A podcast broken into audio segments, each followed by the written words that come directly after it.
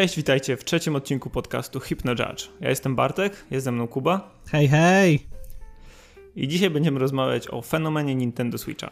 Ale zanim do tego dojdziemy, porozmawiamy sobie jeszcze chwilę o tym, jaki mamy stosunek do grania, w co lubimy grać i w ogóle jaki, w jaki sposób konsumujemy tą rozrywkę, jaką są gry wideo. Więc moje pierwsze pytanie, Kuba. E, w jaki sposób ty najczęściej grasz, jak najwięcej czasu spędzasz na graniu gry? Dobra. Słowem, słowem wstępu, Um, nie, nie określiłbym się mianem gamera, to, to wydaje mi się straszliwie cringe-worthy określeniem, ale osobiście konsumuję bardzo dużo gier komputerowych. E, mała, drobna ciekawostka o mnie. Pracowałem w G2A przez pewien czas, pisząc um, review gier komputerowych, także jest to temat, z którym jestem żywo, żywo zaznajomiony, choć moje doświadczenie będzie zupełnie inne od Bartka, to już, już mogę wam powiedzieć, dlatego że ja nie jestem za bardzo konsolowym graczem, ja z konsolami miałem doświadczenia bardzo niewiele w swoim życiu.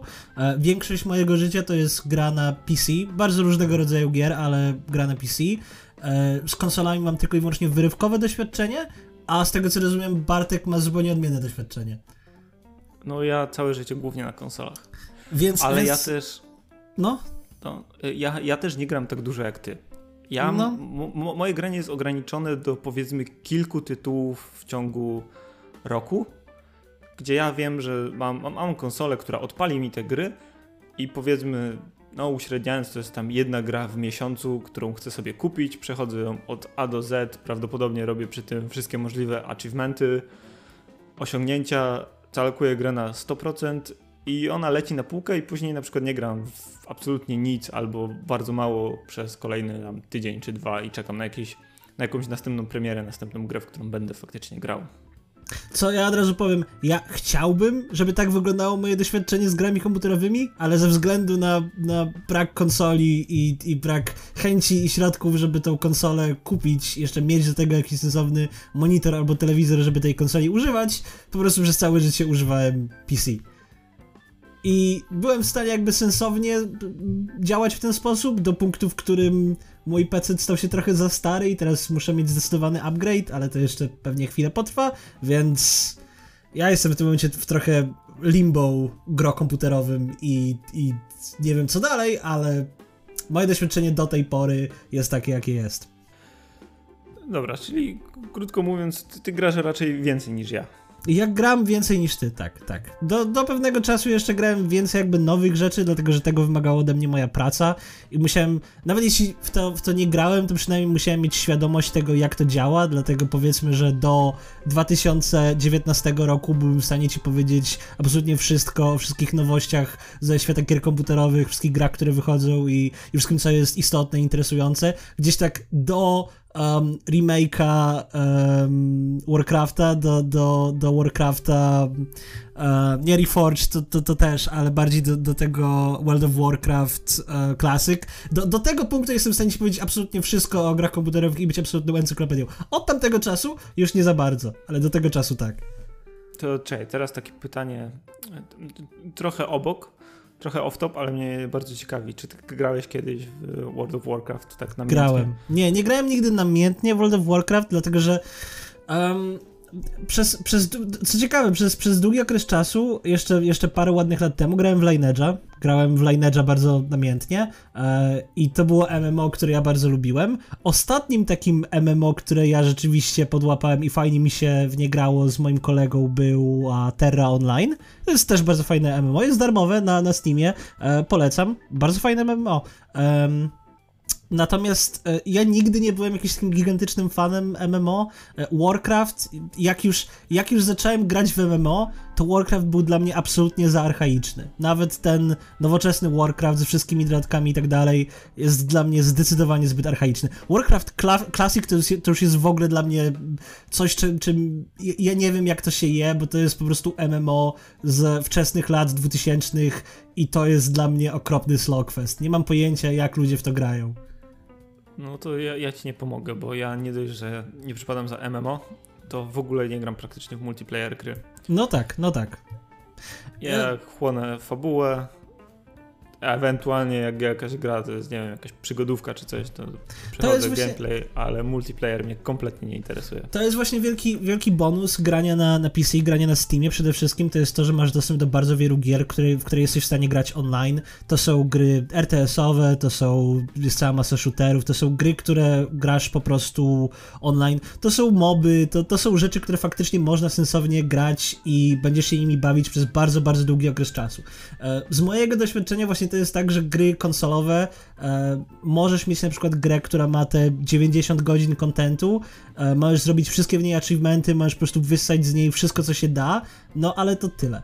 Poza pewnymi e, przypadkami gier konsolowych, które też są konsolowe, tak jak na przykład, nie wiem, FIFA, to mm, zdecydowanie dużo żywsza jest scena gier przez online na PC niż na konsolach. No, tylko to, to u mnie akurat nie wynika z faktu konsole, pecety, bo ja mam peceta, którym mogę ograć te wszystkie rzeczy, po prostu nie lubię tego no, sposobu no, okay. rozrywki. Rozumiem. Ja, ja w ten sposób się bardzo zdecydowanie lubię bawić. Moimi ulubionymi grami, w jakie grałem, to były Borderlandsy z, ze znajomymi. Zawsze było najzabawniejsze. Albo, nie wiem, granie w Lola ze znajomymi. To, to, to są rzeczy, które ja lubię.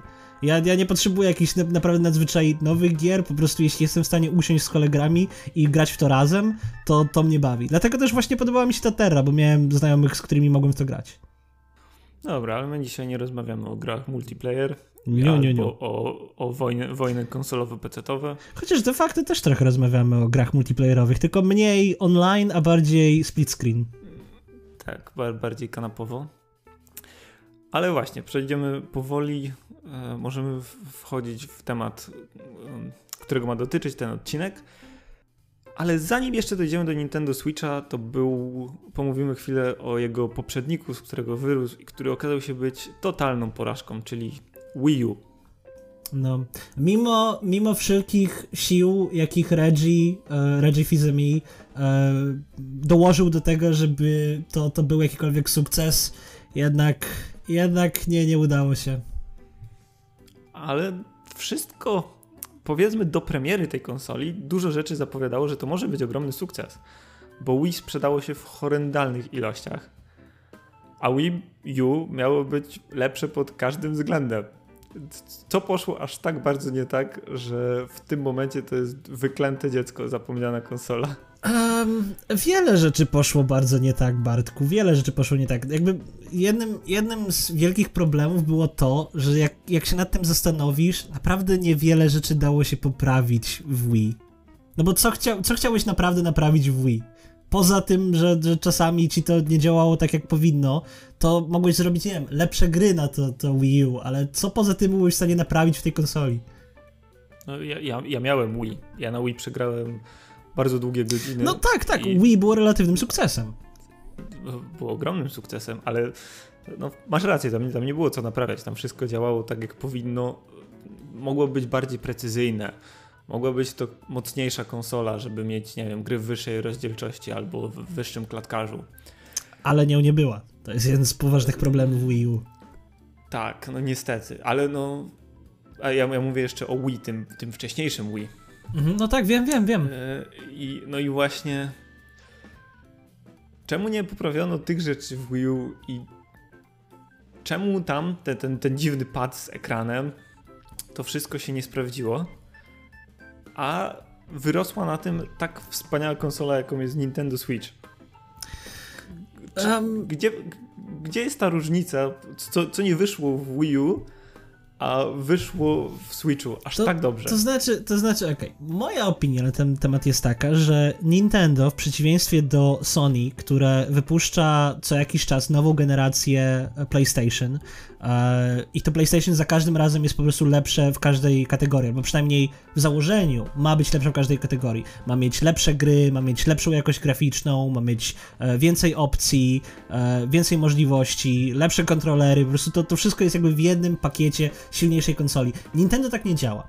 Nintendo nie wypuszcza po prostu silniejszej wersji swoich konsoli. Nintendo lubi się bawić, szukając niszy, którą może zapełnić, czyli po prostu za każdym razem próbuje zrobić coś trochę nowego, trochę, trochę coś bardziej nowatorskiego. I wydaje mi się, że, że okej, okay, można mówić o tym, że um, Nintendo Switch wyrósł na porażce Wii U, ale Nintendo Switch, i to jest element sukcesu Nintendo Switch, nie próbuje być Wii U. On nie próbuje zrobić tych rzeczy, które miało Wii U zrobić, bo te rzeczy już zrobiło Wii. Nintendo Switch próbuje zrobić zupełnie nowe rzeczy. Rzeczy, które też stały się możliwe dzięki temu, że handheldy e, zupełnie przestały istnieć praktycznie po PS Vita. Tak. Czyli krótko mówiąc, po prostu Nintendo jest firmą, gdzie zamiast iść w moc konsoli, oni robią sobie eksperymenty. No i niestety czasami nie wychodzi, ale zakładam, że mają na tyle bezpieczną pozycję, że mogą sobie pozwolić na te eksperymenty, nawet jeżeli tylko powiedzmy któraś część ich konsol okaże się sukcesami. Mm. Tak, no bo, no bo Wii było sukcesem ogromnym, potem tak. była porażka Wii U i Nintendo Switch teraz znowu jest ogromnym sukcesem. Cały świat mówił o Switchu jak wyszedł i teraz jesteśmy ile? 3-4 lata później? Mm -hmm. Absolutnie I... nic się nie zmieniło. Nie, still, still going strong. Ostatnio wyszedł Animal Crossing. Cały mm -hmm. świat mówi o Nintendo Switchu. Tak, ale oczywiście to, to, to też dlatego, że um, to jakby nie da się oddzielić sukcesu Nintendo Switch od sukcesu Nintendo. Nintendo ma to do siebie, że jest firmą, którą, która dalej w 2020 roku stawia bardzo duży nacisk na kreatywność, co jest rzadkością, jeśli chodzi o wytwórców zarówno konsoli, jak i gier komputerowych. Ta, ta firma stawia bardzo duży nacisk na to, żeby te wszystkie projekty były bardzo kreatywne, bardzo nowatorskie, e, bardzo interesujące, żeby nawet jeżeli to jest element starej franczyzy, tak jak Animal Crossing, czy tak jak Mario, czy tak tak jak Legend of Zelda, to zawsze są to jakieś nowe pomysły, jakieś nowe fajne rzeczy, które można zrobić z tymi konsolami i z tymi grami. I dlatego ludzie dalej grają w tego Mario i dalej grają w tą Zeldę i potrafią się świetnie bawić tymi grami, e, dlatego że one oferują coś faktycznie nowego. To nie jest po prostu ta sama gra, ta sama formuła, ta sama rutyna, tylko to jest nowa rzecz. Na przykład w przypadku Mario Odyssey e, nie było Mario 3D już od bardzo, bardzo długiego czasu. To był jakby powrót do próby zrobienia Mario 3D i był to po prostu powrót w gigantycznej chwale. To było po prostu absolutnie fantastyczna gra i, i naprawdę można się zastanawiać, jakim cudem Nintendo, jaką faustiańską umowę z diabłem ci ludzie musieli podpisać, żeby być w stanie e, podchodzić nowatorsko do tak oklepanej rzeczy jak Mario. Ale to widzisz, to, to, to nawet nie jest samo Mario, tylko to jest cała masa wszelkiego rodzaju marek, które są, tak jak wspomniałeś, oryginalne, tak jak wspomniałeś, kreatywne, ale wydaje mi się, co też jest bardzo ważne. Switch jest stosunkowo słabą konsolą, a każda z tych gier technicznie jest dopięta na ostatni guzik. Mhm taka Zelda, Mario, tam sterowanie, mhm. grafika, to oni po prostu wyciskają z tej malutkiej konsolki, nie najmocniejszej, ile się tylko da. Mhm. Trochę, tak, trochę tak jak z indie sceną e, na Steamie dlatego, że te gry nie mogły sobie pozwolić na to, żeby mieć gigantyczny budżet, żeby zrobić absurdalną grafikę. W przypadku na Switcha to są po prostu kwestie limitacji sprzętowej. Ten, ten sprzęt nie może sobie pozwolić na to, żeby zrobić God of War'a najnowszego. To jest po prostu niewykonalne w przypadku tej konsoli. E, ale oni dzięki temu mogą się skupić na stylu graficznym, na mechanice tej gry, na tym, żeby w tą grę fajnie się grało w zbiorze ludzi. E, I też trzeba o tym jeszcze wspomnieć. Switch kiedy wyszedł, miał line-up naprawdę fantastycznych, naprawdę obiecujących gier. Splatoon absolutny hit. Mario Odyssey absolutny hit. Zelda absolutny hit. Hit za hitem za hitem. Czyli co? Sukces Switcha to jest po pierwsze suma samego sprzętu i tego, jak, jak, jakim jest oryginalną rzeczą w odróżnieniu od e, Xboxa i od PS4 w tym momencie. Mhm. No, no, oraz firma sama z siebie i produkcje, jakie gry produkują. Bo oni prze, przewyższają jakością zdecydowanie, e, no czołują Kreatywnością wiem, jest... na pewno. Ja nie wiem, czy ja bym powiedział, że, że jakością, bo, bo jakość to jest bardzo ciężki do zdefiniowania termin, ale na pewno kreatywnością. Na, na pewno jestem w stanie powiedzieć, że Nintendo nie zrobi czegoś nudnego. I być może kiedyś w przyszłości przyjdzie im zapłacić słoną cenę za to, że cały czas próbują robić coś kreatywnego. Jest bardzo wielu ludzi, którzy się sprzeciwia temu, dlatego że, że Nintendo potrafi podejmować naprawdę dziwne decyzje biznesowe tylko po to, żeby one były kreatywne i one nie zawsze wypalają. One nie zawsze są sukcesem, ale jeśli one są sukcesem, są absurdalnym sukcesem. No, jeżeli taki model biznesowy im się sprawdza do tej pory, no to może w tym szaleństwie jest metoda. No, być może. Ja, ja na pewno uważam, że jest to bardzo nadzwyczajne, jeśli chodzi o, o strukturę um, przemysłu gier wideo w ogóle, więc ja jestem za. Ja uważam, że, że przemysł gier wideo byłby na pewno dużo bardziej szary bez Nintendo. Naprawdę byłoby dużo gorzej, gdyby Nintendo nie było na scenie. No tak, to na, na pewno byłoby bardziej szaro, głównie przez to, jak Nintendo gry są kolorowe.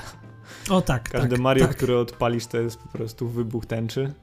No. Co jest piękne. Jak ktoś lubi platformówki, to naprawdę Mhm. Chyba, chyba, nie, ma lep, chyba lep, nie, nie, ma, nie ma lepszej, bezpieczniejszej przystani niż Mario.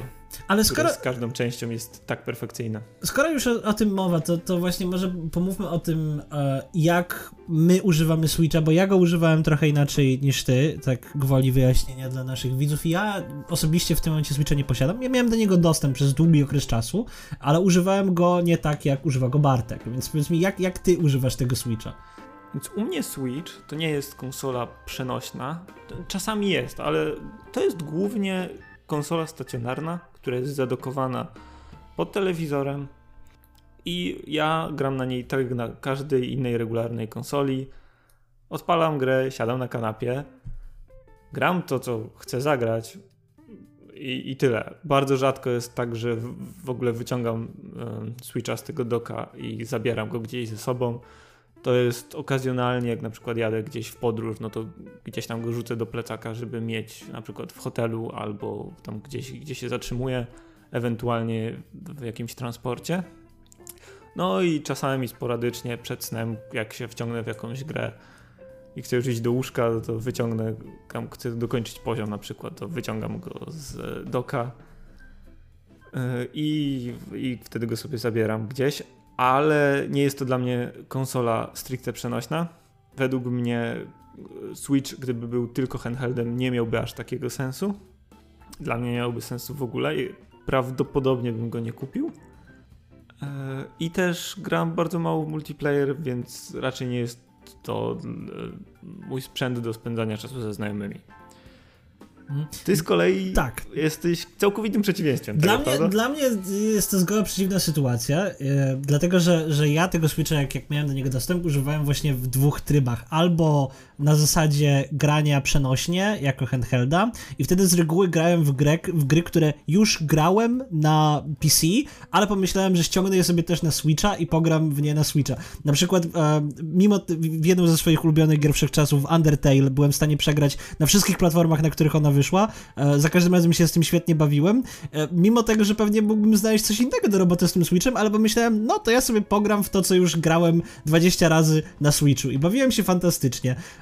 I drugą rzeczą, do której ja używałem Switcha na gminie, to było właśnie granie w party games. I to było, że robić, jest, jest impreza i na tej imprezie przy okazji ludzie zostaje wyciągnięty Switch i gramy w Mario Party. Głównie w Mario Party, bo to była absolutnie najlepsza do, do, gra do imprezy, bo ma po prostu całą masę takich małych gierek, w które można grać, pojedynczych, fajnych rzeczy i to, to, to zawsze jest zabawne. To nie jest sytuacja Monopoly, gdzie to po prostu rozbije przyjaźń, po prostu ludzie mogą usiąść i się dobrze bawić przy tym. I to jest to, w jaki sposób ja używałem Switcha. No nie, mnie właśnie najbardziej przyciągały te gry, które są tylko na Switchu, które ma tylko Nintendo i po prostu nie jestem w stanie odpalić czegoś innego, żeby sobie pograć w Mario. Muszę mieć Switcha, żeby pograć w najnowsze Mario, w Luigi Mansion 3, w Pokémony w tym momencie. Mhm.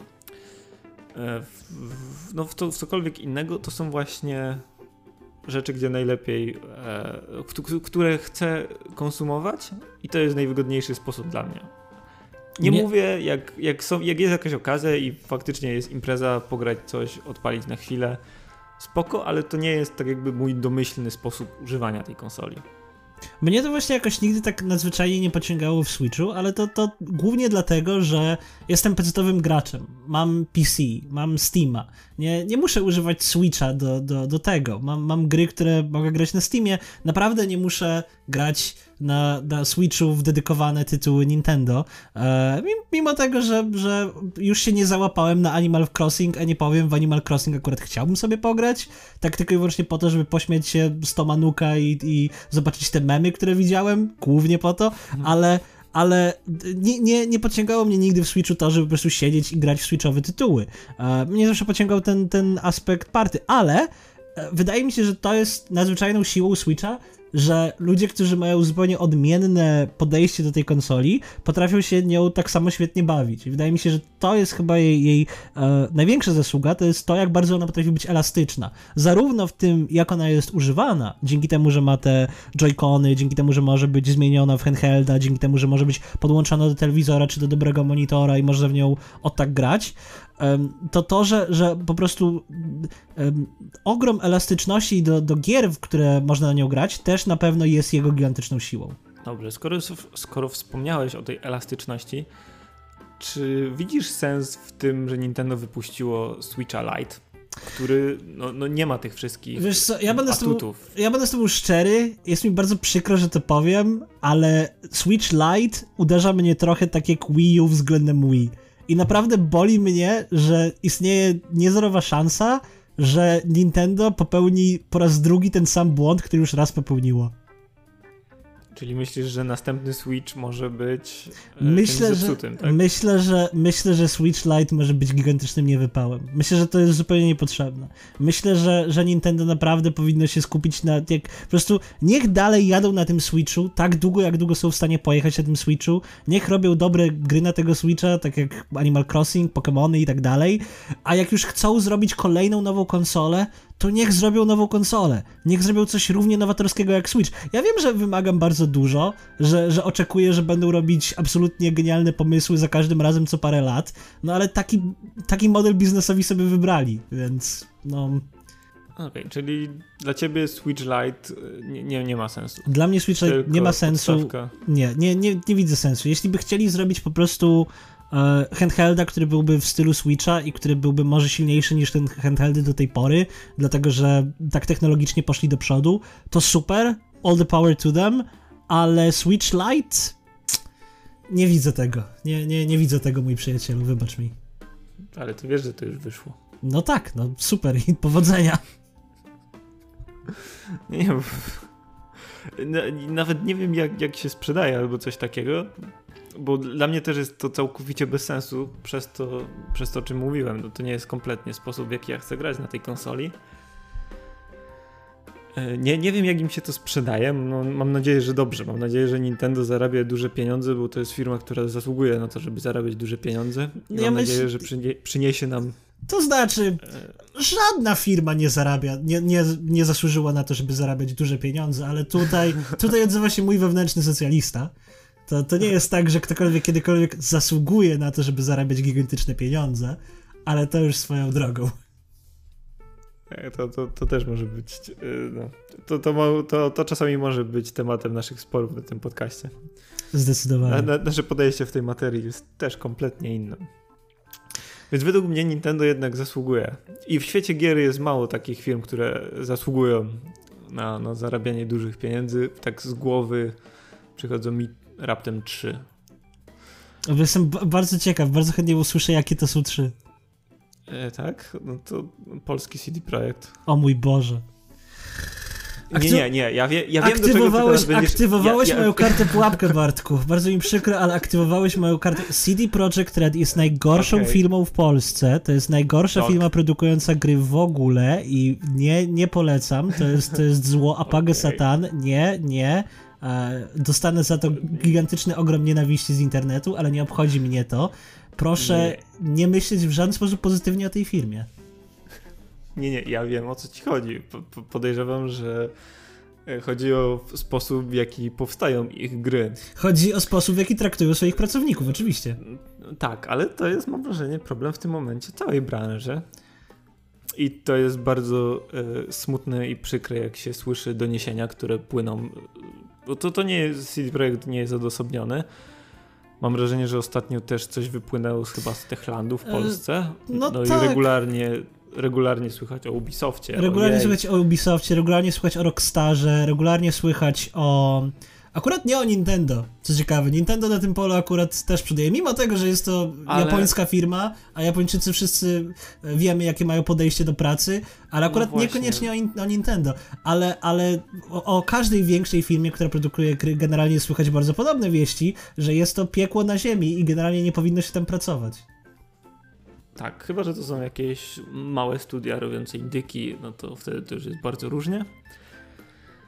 Ale mimo wszystko, no produkt, jaki dostarcza CD Projekt, albo właśnie jaki, Rockstar, Jaki jest, produkt ci jest... dostarczy... Okej, okay, dobra, przepraszam, ale to chyba stanie się tematem tego podcastu, bo, bo, no sorry Bartku, ale jaki produkt dostarczył ci CD Projekt ostatnio? Jaki pro, projekt, produkt dostarczył ci tak naprawdę CD Projekt w ogóle? Dostarczył ci Wiedźmina 3? Co jeszcze tak. dostarczył ci CD Projekt Red? Poprzednie Wiedźminy, Gwinta, gdzie teraz czekam na Cyberpunka. Gwint, Gwint, który jest absolutnym niewypałem, jeśli chodzi o grę karcianą. Wiedźmin Dobra, 1 miał, miał beznadziejną recepcję okay. gdziekolwiek. Wiedźmin 2 miał średniawą recepcję gdziekolwiek. Ich jedynym Wiedźmin hitem, 2? ich jedynym hitem, Bartku, był Wiedźmin 3. To jest One Trick okay. Pony. To jest jedna gra, którą oni zrobili no, okej, okay, to, jest, to jest jedna gra, która była aż takim sukcesem, ale nie zgodzę się, że to była ich jedna dobra gra. I okej, okay, Gwint może nie był niewypałem, ale Thronebreaker, tak? Tak to się nazywało? To, to z fabułą, ten Gwint z fabułą? Mhm. To była bardzo dobra gra. Wiedźmin 2 też był bardzo dobrą grą. Wiedźmin 3 był światowym sukcesem, łącznie z dwoma dodatkami. No i teraz zobaczymy, co będzie z Cyberpunkiem ja czekam, ja się jaram. No tak, oczywiście, bo wszyscy się jarają, bo, bo można zwiększyć długość swojego członka. Jest fantastyczna sprawa, nie? No, no, no, ja, ja miałem zamówionego na długo, zanim to było. Tak, ty i większość internetu. E, więc e, zobaczymy, ale nie, nie mówię. Dobra, okej. Okay. CD Projekt mieli Wiedźmina 3, zobaczymy co będzie przy Cyberpunku. Ale Rockstar z każdą grą dostarcza też nie z każdą grą, też ma parę niewypałów. Ostatnio są na bardzo dobrej pasie, bo zrobili GTA, a potem zrobili um, Red Dead Redemption, więc mają ostatnio dobrą pasę. Uh, przy czym też, no nie wiem, czy jestem w stanie powiedzieć, że to są takie naprawdę absolutnie nadzwyczajne gry. W momencie, w którym mamy całą masę gier, które potrafią mi przynieść równie dużo zabawy, a nie są opłacone cierpieniem gigantycznej ilości pracowników i nie mają idiotycznej ilości mikrotransakcji, na które jestem w stanie wydać cały swój portfel cztery razy. To jest tak jakby moja opinia. Ja lubię te gry. Według mnie to są firmy wbijające się jednak ponad poziom pozostałych rzeczy, które mamy na rynku w tej takiej wysokobudżetowej lidze. No Bo dobra, okej. Okay. Rockstar przybija to, co robi EA, to, co robi Ubisoft, no Activision i reszta tych wielkich wydawców. I jeszcze do niedawna, oj, jeszcze do niedawna taką firmą wydawało mi się, że był Blizzard, po czym kupił ich Activision i no Activision Blizzard to już jest całkiem inna firma. Eee, no nie wiem, osobiście wydaje mi się, że Blizzard miał poważne problemy jeszcze zanim kupił ich Activision i wydaje mi się, że, że tylko i wyłącznie zwieńczeniem tych problemów jest fakt, że zostali kupieni przez Activision. Osobiście wydawało mi się zawsze, że, że Blizzard jest firmą, która jest zamknięta w przeszłości, która żyje tylko i wyłącznie dzięki temu, że zrobiła WoWa i StarCrafta i tylko dlatego jest w stanie robić cokolwiek i tylko dlatego ludzie uważali Blizzarda za coś nadzwyczajnego, ale z tego co ja wiem o Blizzardzie, to ich problemy istniały na długo, zanim zostali kupieni przez Activision. Dobra, ale my nie o tym dzisiaj. Sam zacząłeś. Sam zacząłeś. Hej, hej, hej. Nie spodziewałem się, że aż tak cię striggeruje. E, ta, tak, to, to moja wina, mała kulpa, ale wróćmy do tematu naszego. Może kiedyś jeszcze porozmawiamy o tym, jakim cierpieniem są okupione, jest okupiona nasza rozrywka. Jestem pewien, że jeszcze kiedyś z tego wrócimy. Na pewno e, nieopatrznie powiesz jedno zdanie, które mnie mocno striggeruje i będę musiał odpowiedzieć. Jestem przekonany, że idąc do przodu, to może być element formuły naszego podcastu. Striggerowany Kuba. Striggerowany Kuba, tak. Hashtag striggerowany Kuba. No, dobra, ale jak już mówimy o, o grach, o tych dużych grach i tych małych grach, no to na Switcha jest bardzo szeroki wybór.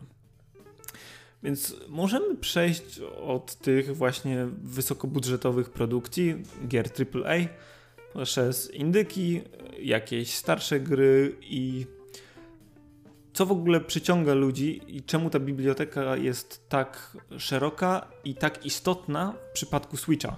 No bo żadna konsola nie byłaby się w stanie utrzymać, nawet Nintendo, wydając na tylko kilka gier wysokoprofilowych. Być no, może ko poza... Koszty są zbyt duże. Być może poza PlayStation.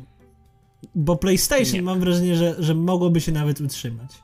Bo. bo mm, Śmiem wątpić. No, być może, ale z mojego doświadczenia e, gry na PlayStation potrafią być tak fantastyczne, że naprawdę wystarczy ci kilka wysokobudżetowych, dobrze e, marketingowanych produkcji i już masz generację mm, w swojej, w swojej kieszeni.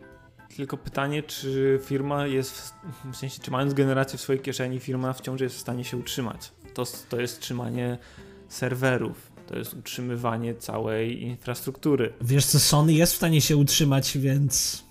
Sony było już, Sony jest regularnie, a przynajmniej w ostatnim czasie było na skraju bankructwa i na przykład zwłaszcza ich dywizja filmowa ostatnio się odbiła tylko dzięki Spider-Manowi i jeszcze coś wydali. Tak to mieliby bardzo poważne problemy. Teraz ten deal z, z Disneyem też nie wiadomo jak im wypali.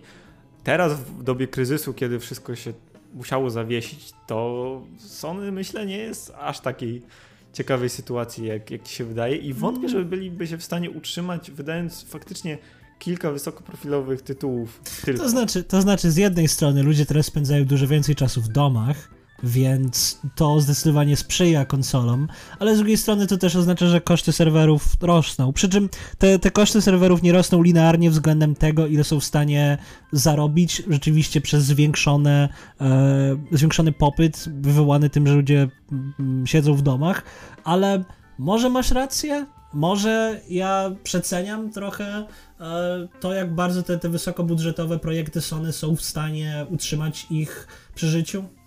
No ale Nintendo w każdym razie ma, ma te swoje właśnie wysokobudżetowe mm, pozycję i nie wiem, chcesz powiedzieć coś o jakiejś konkretnej? Znaczy powiem tak, e, ty w Zelda nie grałeś, ja w Zeldę grałem. Ja, ja, ja, mogę powiedzieć o tym, że, że ta, ta, ta Zelda, która wyszła te parę lat temu jest naprawdę fantastyczną grą. E, fakt tego, jak dużo można spędzić czasu eksplorując te wszystkie zakamarki tej gry, wykonując wszystkie jakby pośrednie zadania, które niby w żaden sposób nie, nie przybliżają cię do, do skończenia tej gry, ale są po prostu bardzo zabawne, robienie ich samo w sobie. To jest jakby taki ja przez chwilę grałem w MMO i dużo japońskich gier ma trochę ten, ten styl, że e, masz jedną albo dwie czynności, które możesz powtarzać w kółko i w kółko i w kółko i one są zawsze przyjemne. to mi się podoba w Zeldzie. Um, ona z fabularnego punktu widzenia i z estetycznego punktu widzenia jest absolutnie fantastyczna, a bardzo się cieszę, co, co zrobili z tą nową Zeldą, mimo tego, że ja nie jestem jakimś wielkim fanatykiem Zeldy, nie grałem w stare Zeldy, ale e, to jest coś, czym ja jako człowiek, który nie ma wiele pojęcia o Zeldzie, był w stanie się bardzo dobr, dobrze bawić, więc to jest za to gigantyczne propsy dla tej gry.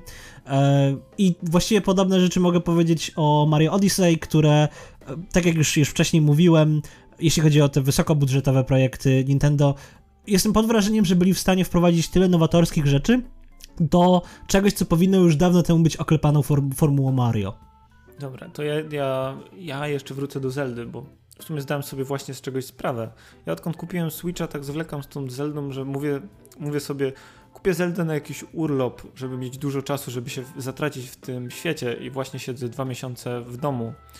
Chyba nie będę miał już lepszej okazji, żeby przejść Zeldę, więc to może być jakiś plan na najbliższy czas. Generalnie bardzo to polecam. No to jest miesiąc wyrwany z twojego życia, bo ta gra potrafi wciągnąć, ale warto. No, ale nie, właśnie ja odkładałem tą grę i chyba odkładałem ją tak bardzo, że po prostu nie zauważyłem momentu, w którym mam na nią czas. Druga rzecz to samo, całkowicie zgadzam się z tobą, jeśli chodzi o Mario Odyssey.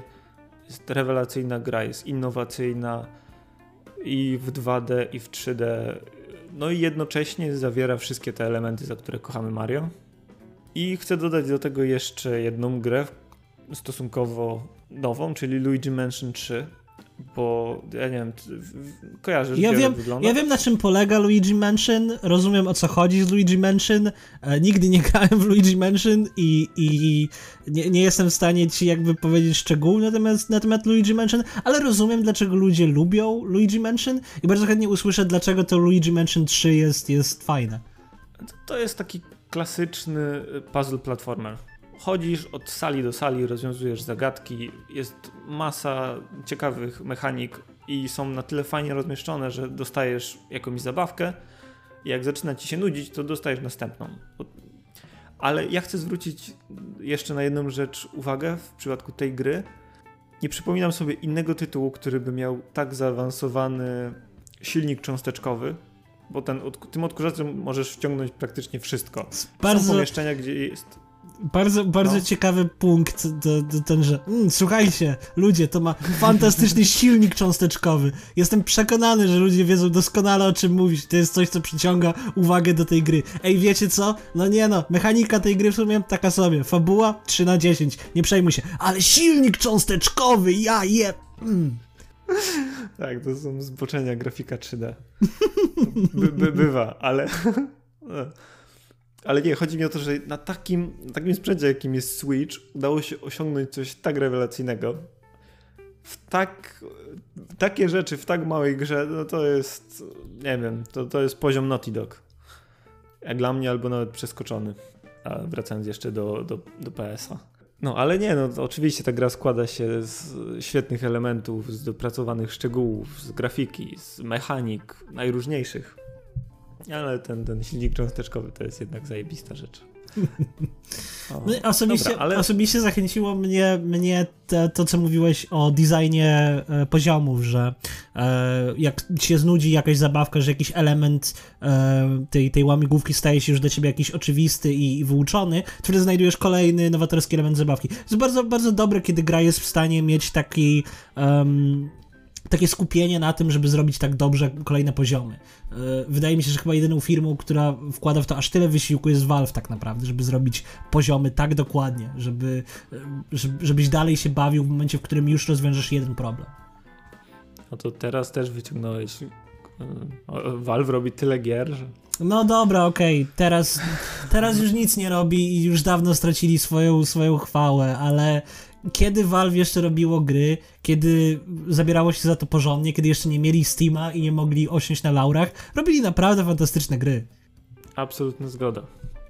E, no, ale tak jak wspominałem wcześniej, to samymi dużymi grami Nintendo by nie ostało i to jest też dla mnie konsola, gdzie właśnie mogę sobie odpalić starsze gry, które akurat które mogę pograć, a wcześniej nie mogłem z różnych powodów, bo nie miałem platformy, gdzie mogę je odpalić. Albo po prostu nie chciałbym ich odpalać e, w. Na przykład są gry, których po prostu nie, ch nie chcesz ich ogrywać na PC. Nie chcę dzisiaj siedzieć przy komputerze, ale na przykład miałbyś ochotę pograć gdzieś w podróży albo nie, nie wiem. No, no ale no nie, ja, wie, wie, wiesz, o co, wiesz o co chodzi. Wiem, wiem o co chodzi w założeniu, ale pozwól, że zapytam cię o przykłady, dlatego że, tak? że cała, cała, cały wywód jest trochę abstrakcyjny dla mnie. Ja, Dobra, już ci wiesz, podaję. Ja tylko, tylko powiem, ja jako człowiek, który generalnie grywa na PC, nie jestem w stanie sobie wyobrazić w grę, którą chciałbym zagrać gdzie indziej, a nie chciałbym zagrać na PC. Więc, więc już to samo w sobie jest bardzo abstrakcyjne dla mnie, ale bardzo chętnie usłyszę te, te przykłady starszych gier, które z chęcią grasz na Switcha, a nie pograłbyś gdzie indziej. Dobra, już ci mówię przykład. Yy, ostatnio kupiłem sobie Naruto Shippuden Ultimate Ninja Storm 3. I to jest gra już leciwa, ona ma, ma kilka latek. To jest taka, nie wiem, czy kojarzysz, taka bijatyka w stylu Tak, Tekena, chyba, chyba ja nawet coś. mam na Steamie. No. no widzisz. I to jest gra, w którą totalnie nie chciałbym się odpalać na na przykład na PC. Ona nie jest po prostu według mnie tego warta. To jest bijatyka taka, taka zwyczajna kopanina, tam nie ma jakiejś super fabuły. Fabuła jest generalnie wzięta z, z mangi czy z serialu. Który też, który też nadzwyczaj dużo fabuły nie ma.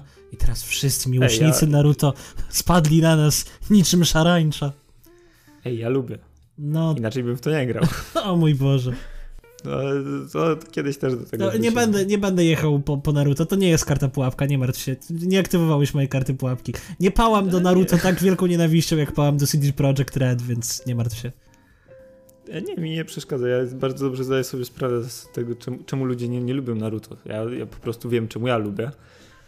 Ale właśnie, i ta gra, nie grałbym w nią w absolutnie inny sposób niż na Switchu, odpalając sobie walkę od czasu do czasu, właśnie jak mam chwilę wolnego, jak jestem gdzieś poza domem, jak czekam w jakiejś kolejce, albo mam, mam, mam tego Switcha, to jest właśnie taka moja gra kopanina i przy okazji sobie przypominam fabułę z Naruto. Była na promocji za jakieś y, drobne, nie, nie wiem, 30 zł kosztowała Pozwól, że zapytam, I... dobrze, się, dobrze się gra w e, fighting games na, na Switchu? Bo właściwie nie wiem, ja, ja nie próbowałem. Czy Switch się do tego dobrze nadaje? Mm, ja nie gram dużo w fighting games, mm. więc ciężko mi stwierdzić.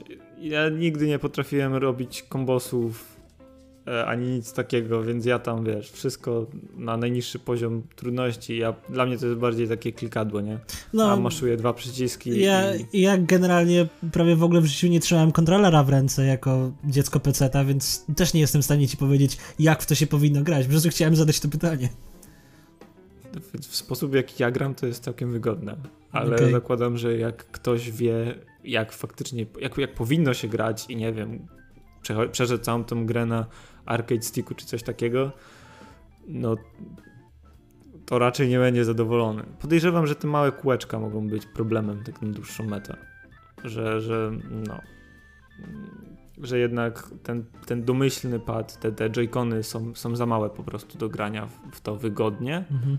No mógłbyś przez przypadek trafić na nie ten przycisk, na który chciałeś i to ci spieprzy kombosa. Tak. To, to może tak, być nieprzyjemne przykład, doświadczenie. Ale zakładam, że jeżeli ktoś po prostu dokupi sobie do, do Switcha ten, ten Pro Controller, taki od Nintendo, który bardziej przypomina tego Xboxowego na przykład, to powinno być całkiem wygodnie.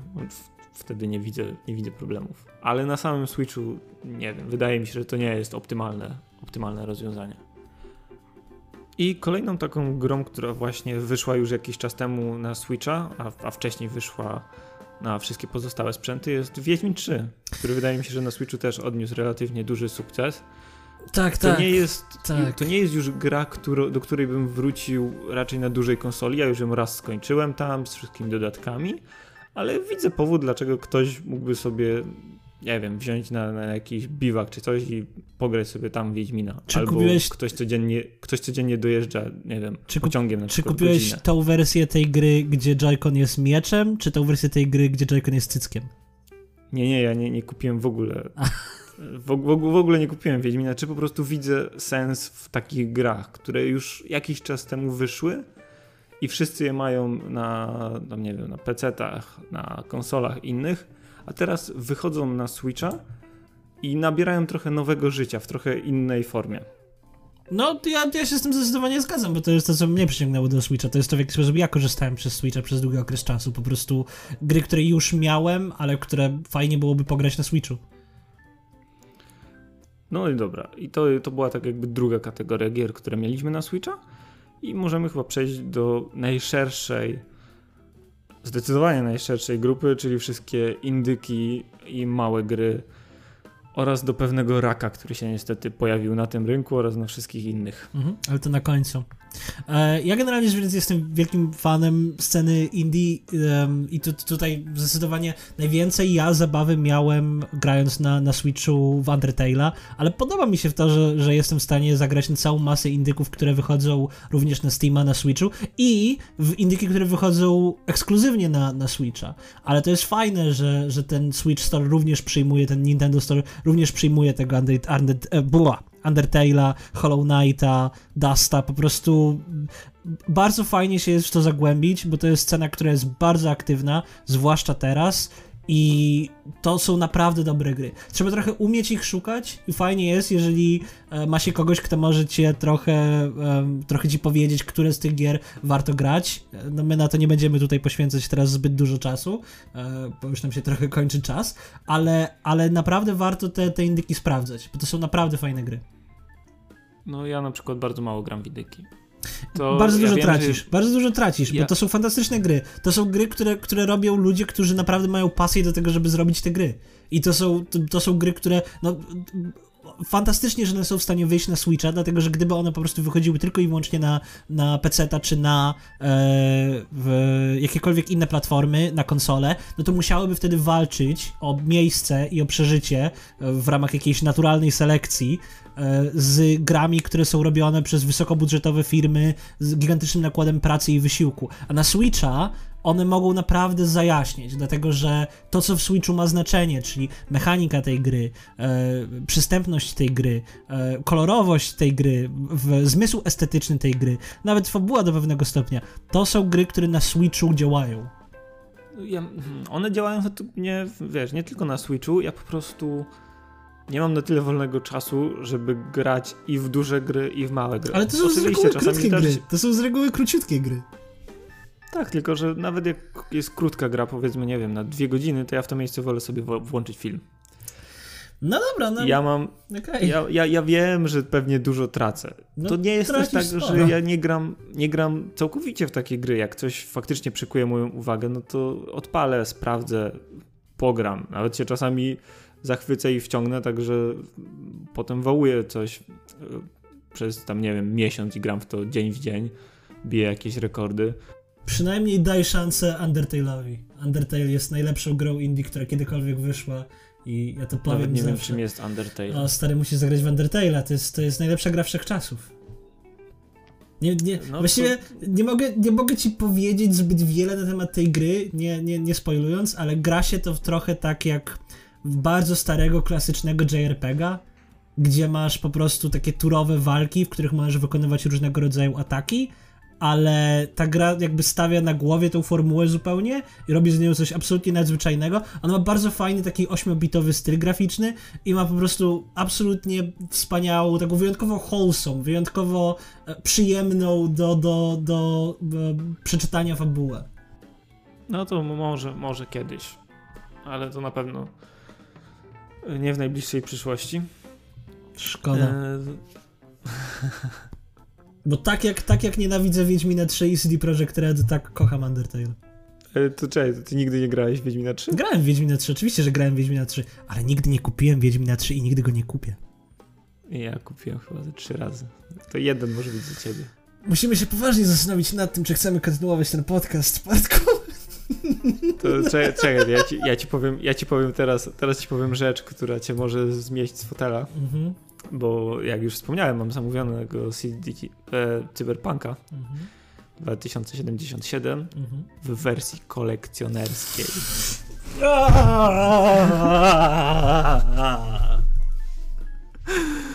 Tak, więc jakieś horrendalnie duże sumy, żeby postawić sobie tą wielką, piękną figurkę. Zostałem zmieciony z fotela.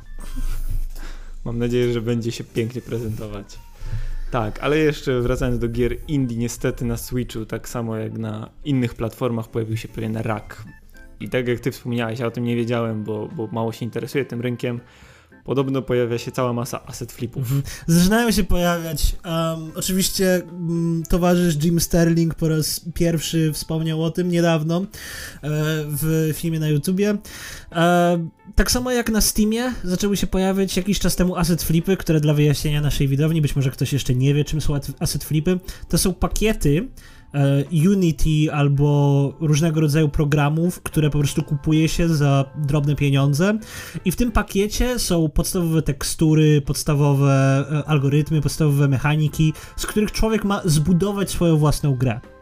Ale jest cała masa ludzi, która nigdy tego nie robi, po prostu kupuje ten, ten pak asetów i po prostu wrzuca go od razu do jakiegoś sklepu i po prostu go sprzedaje za, za większe pieniądze i w ten sposób wychodzi na zysk. Po prostu wrzuca ten, ten pakiet asetów i niestety e, mamy tak, mieliśmy takie przypadki na Steamie, kiedy Steam otworzył po prostu swoje wrota i wszystko zaczęło być tam wrzucane, była cała masa e, asset flipów z chyba największym offenderem e, Unit Z, które po prostu było 50 gier, które było dokładnie tym, tą samą grą, to był po prostu jeden asset pack Później takie przypadki również się pojawiały na PlayStation Store z bardzo sławnym Life of Black Tiger. Fantastyczna gra, bardzo polecam. I teraz niestety znaczy, ten nie, problem... Nie... Co? Czekaj, czekaj, czekaj. E, nie polecamy kupować. Nie, polecamy nie, nie, nie. Polecamy zobaczyć. Polecamy oglądnąć, żeby, żeby doświadczyć tego, czym jest Life of Black Tiger, bo warto to zobaczyć. Nadzwyczajny e, sukces komercyjny. nie mogłem Najsmutniejsze tego... jest to, że to faktycznie mogło zarobić. To fakty... to tak, jest... to najprawdopodobniej mogło zarobić nawet, co najśmieszniejsze, e, trailery z Life of Black Tiger, części tej gry znalazły się w jakby w, e, na, na głównej stronie konsoli Sony, na głównej stronie PlayStation, jako po prostu super cut trailerów do, do gier, które wychodzą na Sony. Life of Black Tiger. Jeśli, jeśli zobaczycie, czym jest Life of Black Tiger, to zrozumiecie, jaki to jest absurd. I niestety, tenże rak dotyka również Switcha.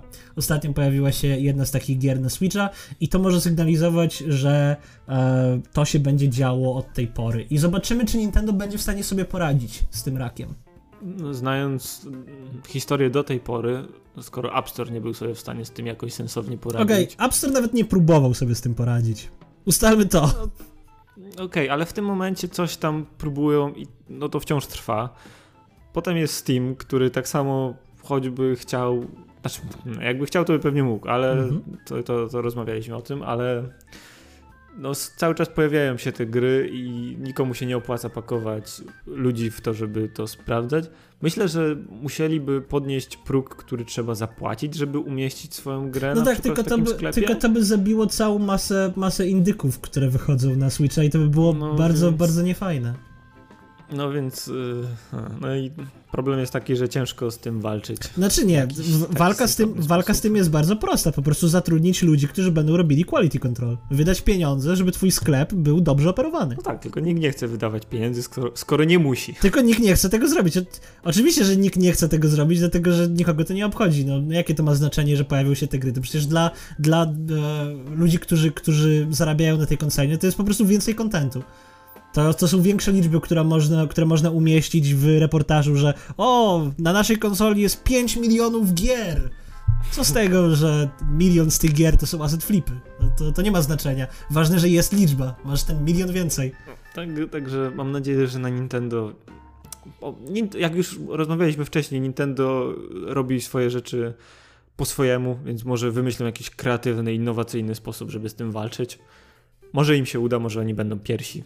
To znaczy, problem polega właśnie na tym, że tutaj nie ma innowacyjnego sposobu, żeby z tym walczyć. Jest tylko jeden sposób, bardzo nieinnowacyjny. Zatrudnić ludzi do quality control.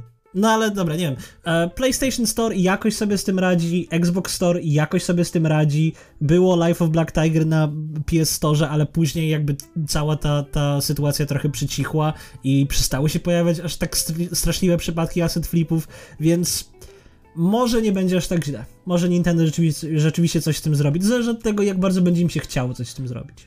No pożyjemy, zobaczymy. Na razie tych gier to jest tylko garstka, więc mo może jeszcze się nie rozrośnie tak. Może gdzieś to zdążą ukrócić w miarę szybko. Miejmy nadzieję. Dobra, jako że mamy już prawie godzinę nagrania, to możemy sobie przejść powoli do podsumowania.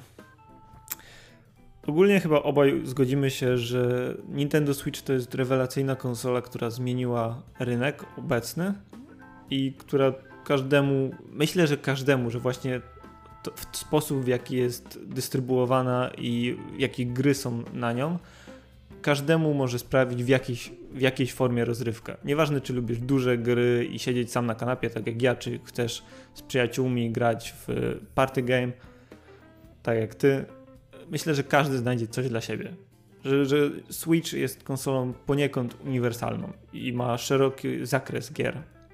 Co jest chyba naj, najważniejsze do powiedzenia, to to, że ta konsola do tej pory jest wyjątkowo silna i nawet w obecnym roku 2020 ja bym się musiał poważnie zastanowić, czy ja naprawdę chcę poważnie myśleć o kupieniu kolejnej generacji e, konsol PlayStation, czy nie chcę kupić Switcha.